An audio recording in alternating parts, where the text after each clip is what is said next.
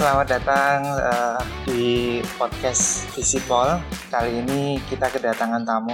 Pertama Pak Nur Hidayat, dosen sosiologi. Yang kedua ada Bu Nancy, ada, ada dari dosen hubungan internasional Visipol. Ini tema kali ini kita coba menyoroti di era pandemi ini permintaan atau fenomena, fenomena penggunaan sepeda atau dengan bersepeda itu lebih banyak dipakai oleh masyarakat sebagai salah satu olahraga yang diminati ketika pandemi. Kita coba lihat dari data Kompas kemarin terdapat kenaikan permintaan sepeda. Permintaan sepeda dikabarkan melonjak di tengah merebaknya wabah pandemi corona. Ini disampaikan oleh CEO salah satu perusahaan sepeda. Nah, sebelumnya kita perkenalan dulu ke masing-masing bintang tamu. Pertama ada Bu Nancy. Selamat Selamat datang Ibu, apa kabar? Nah, Alhamdulillah sehat Pak. Sudah ada keinginan untuk beli sepeda? Uh, ada dari kemarin. Sudah kepikiran mau beli sepeda yang seperti apa? Hmm, sepeda lipat Pak. Sepeda lipat sepeda ya? lipat, cuman cuman masih cari referensi untuk berbagai merek. Apa sih yang lebih lebih sesuai budget dan sesuai uh, fungsi guna saya? Yang hmm, kemarin juga sempat ini sempat tanya-tanya dengan Pak Nur ya untuk referensinya apa seperti itu.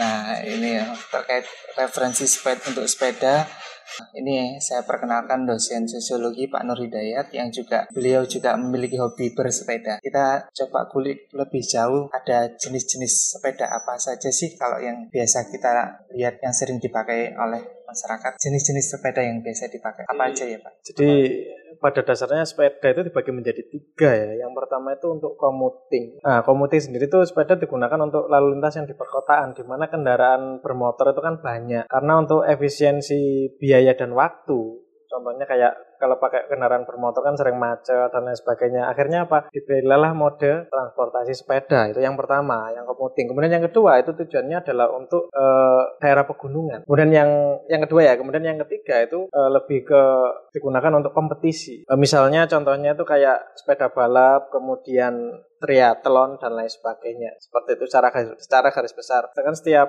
tiga itu tadi itu mempunyai klasifikasi sendiri-sendiri. Jadi pada intinya itu ada tiga tipe jenis sepeda. Tadi sudah digambarkan terkait jenis sepeda Bu Nancy. Nah kalau yang disampaikan Bu Nancy tadi sepeda lipat itu masuk yang jenis sepeda yang mana ya? Kalau sepeda lipat sendiri itu masuk ke dalam kategori, kategori commuting. Kenapa kok disebut commuting? Ya sepeda itu kan uh, yang namanya sepeda itu kan pasti ringkas dan praktis ya. Sama aja ya. Sepeda lipat itu biasanya, jadi sepeda lipat itu biasanya gunakan masyarakat kota atau masyarakat urban. Itu untuk bekerja. Kalaupun uh, terlambat, sepeda itu kan bisa dilipat, dimasukkan ke dalam uh, kereta api, bisa bus dan lain sebagainya dan tidak mem memakan space yang besar. Beda kayak dua sepeda yang lainnya. Kalau yang lainnya kan nggak bisa dilipat seperti itu. Terus lebih spesifik lagi terkait permintaan sepeda di masyarakat ini Pak. Kalau kita coba kaji secara sosiologis, sebenarnya kan e, manfaat bersepeda itu mungkin bisa jadi poin pertamanya adalah selain olahraga, juga di sisi lain sekarang juga orang menjadi lifestyle gitu loh. Kalau dari pandangan Pak Nur sendiri itu uh, hari hari ini itu orang lebih ke cenderung ke arah mana ke nilai itu tadi kalau dikaitkan secara sosiologis. Jadi kita itu kan hidup di ini ya masyarakat era modern di mana masyarakat modern ini itu dikenal dengan masyarakat konsumtif. Nah, jadi uh, kalau orang zaman dulu itu membeli sesuatu itu kan karena kebutuhan sandang, papan, pangan doang kan. Tapi yang sekarang ini kebutuhan itu tidak cuma tiga itu aja, melainkan uh, juga termasuk tatanan pergaulan. Jadi uh, menjadikan apa yang kita beli itu sebagai simbol. Karena apa? Karena perilaku konsumsi saat ini itu tidak hanya dipengaruhi oleh faktor-faktor yang murni ekonomis dan berdasarkan pilihan rasional saja, tapi di situ ada juga sistem budaya dan sistem pemanaan sosial yang mampu mengarahkan pilihan individu atas satu komoditas seperti itu. Nah masalahnya uh, dulu kan ada pernah baca-baca itu baca berita mana itu ya salah satu olahraga untuk mencegah adanya corona menular ke kita itu dengan cara bersepeda. Nah, mengapa kok di masyarakat itu kok sekarang banyak yang menggunakan sepeda? Yang pertama itu karena pengaruh media massa itu tadi. Akhirnya pada akhirnya kan orang itu kan sekarang rame-rame membeli sepeda kan. Nah, pada awalnya itu kan sepeda fungsinya untuk apa sih? Yang awal tadi kan fungsinya untuk commuting kan. Yang pertama untuk commuting, kemudian untuk menjelajah pegunungan, sama yang satunya kan untuk kompetisi. Tapi masyarakat kan udah tidak melihat itu lagi. Jadi mereka itu membeli sepeda itu karena dua faktor. Yang pertama itu adalah nilai tanda, berikutnya adalah nilai simbol. Bedanya apa sih nilai tanda dengan nilai simbol? Jadi nilai tanda itu e, seseorang membeli sepeda itu menunjukkan status sosialnya itu seperti apa sih? Nilai tanda, status sosial. Sepeda mahal berarti dia dari golongan atas, sepeda murah berarti dia dari golongan bawah. Seperti itu kasarannya. Jadi Apa, kemudian Pak? yang kedua, yang membedakan untuk eh, menunjukkan bahwa itu tergolong untuk kategori bahwa oh yang pakai sepeda mahal berarti itu dari kalangan atas. Begitu. Itu penunjukan simbol yang seperti itu? Itu nilai tanda. nilai tanda. Jadi menunjukkan dia itu dari golongan yang mana. apakah itu juga semacam ada nilai refer eh, sorry eksistensi dari diri seseorang Nah itu juga termasuk bagian dari itu. bagian nilai tanda Nilai itu tanda. adalah bentuk eksistensi dari masing-masing individu Kemudian yang kedua adalah nilai simbol. Nilai simbol itu hubungannya sama prestis.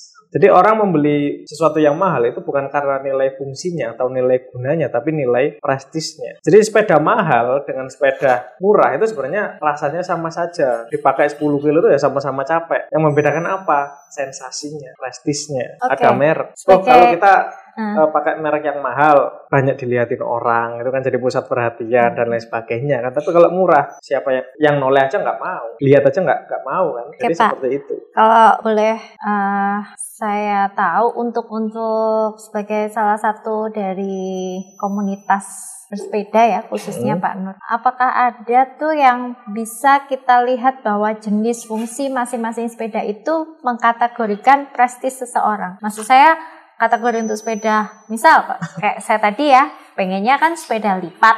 Apakah sepeda lipat itu merepresentatif bahwasanya sepeda lipat itu tergolong untuk kebanggaan bahwa oh ini dari kalangan besar, menengah, ke atas atau middle up atau middle whatever we said I don't know but uh, gimana itu maksudnya kalau seperti itu punya proporsi tersendiri ya jadi di sepeda lipat itu juga ada kelas-kelasnya sepeda gunung yang MTB ya Nah, MTB itu ya, itu juga ada kelas-kelasnya maupun yang sepeda yang lain. Jadi penggolongannya itu macam-macam. Biasanya orang itu kan kalau pakai sepeda murah ketemu pakai eh ketemu orang pakai sepeda mahal itu kan minder. Akhirnya apa? Akhirnya dia kan mencari eh, yang setara, yang selevel. Sehingga muncullah kelas-kelas seperti itu. Sedangkan saya Pak, saya kan nggak punya komunitas. Apa yang perlu dibanggakan kalau saya ya? Karena saya nggak punya komunitas gitu. Misalkan, memang pure dari awal eh, saya pengen beli sepeda karena memang untuk olahraga. Tapi eh, untuk eh, dalam waktu dekat ini memang belum tercapai untuk saya membeli sepeda gitu. Bukan berarti saya pengen beli sepeda karena ada situasi Pandemi. pandemi yang tadi eh, dikatakan Pak Nur ada ada sejenis apa Pak informasi bahwa sepeda itu adalah salah satu olahraga alternatif di saat pandemi. Nah, maksud saya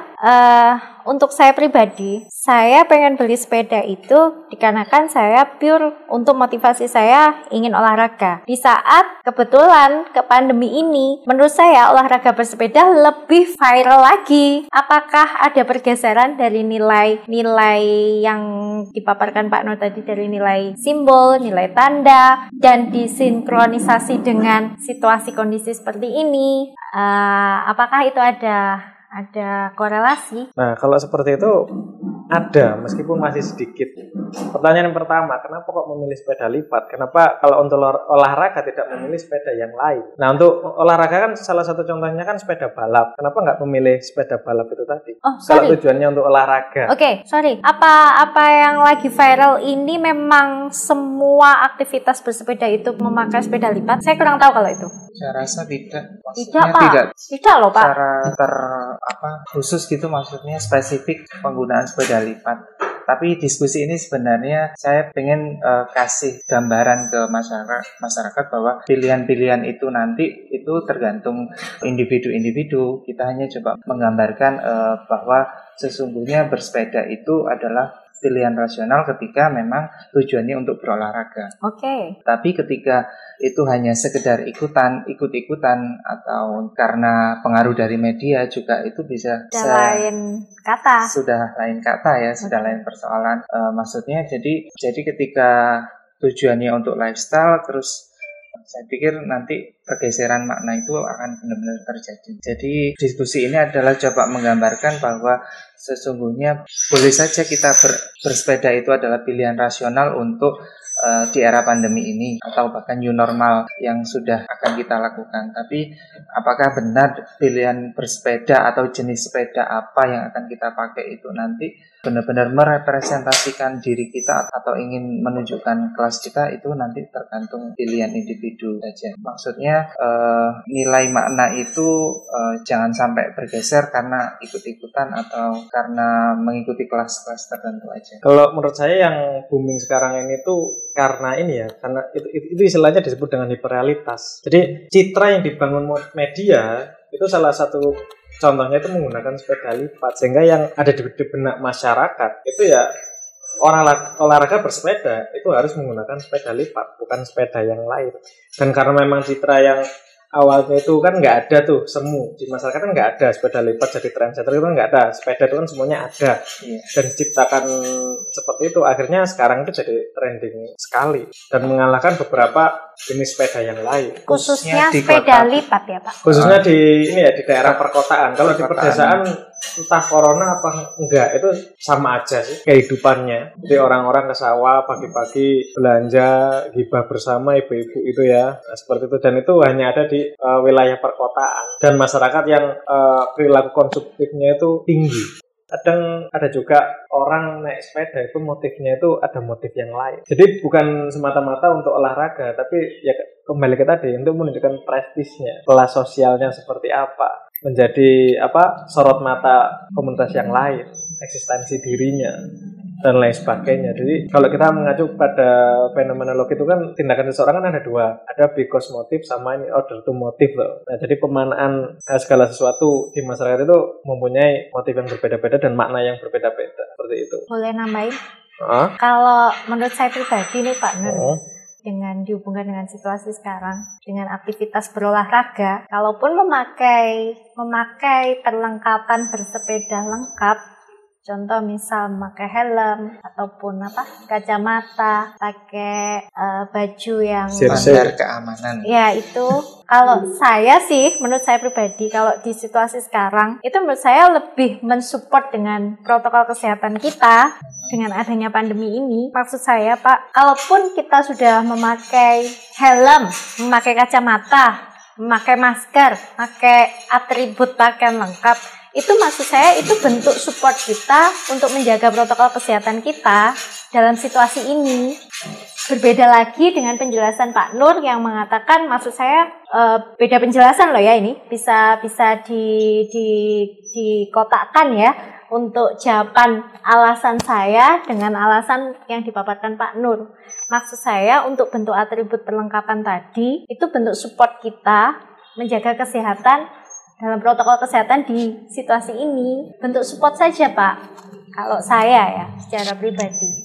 Bukan uh, beda lagi dengan penjelasan Pak Nur yang itu bentuk penunjukan kita bahwa kita ada rasa kebanggaan misal di dalam satu komunitas bahwasanya kalau kita uh, semua satu komunitas punya satu seragam harus memakai ini. Komunitas menunjukkan bahwa oh itu komunitas A. Oh itu komunitas B. Karena saya bukan pelaku salah satu komunitas juga. Makanya menurut saya pribadi dengan uh, alasan saya tersebut yaitu tadi mensupport adanya ini situasi ini di protokol kesehatan kita menjaga kalau uh, ada nilai manfaat tersendiri untuk untuk saya sebagai masyarakat biasa ya, bukan bukan bukan bukan salah satu komunitas itu. Jadi nanti pada intinya mm-hmm. soal pilihan bersepeda itu untuk kesehatan maupun untuk menunjukkan prestis itu balik lagi ke individu. Pada intinya sekarang uh, pilihan berolahraga itu uh, baik olahraganya apa pun maupun sepeda maupun atau yang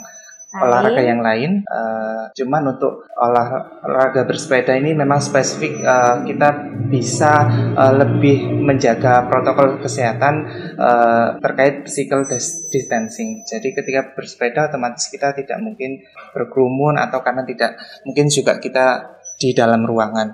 Jadi saya pikir memang bersepeda adalah salah satu uh, alternatif kegiatan berolahraga di era pandemi maupun era normal baru sekarang ini.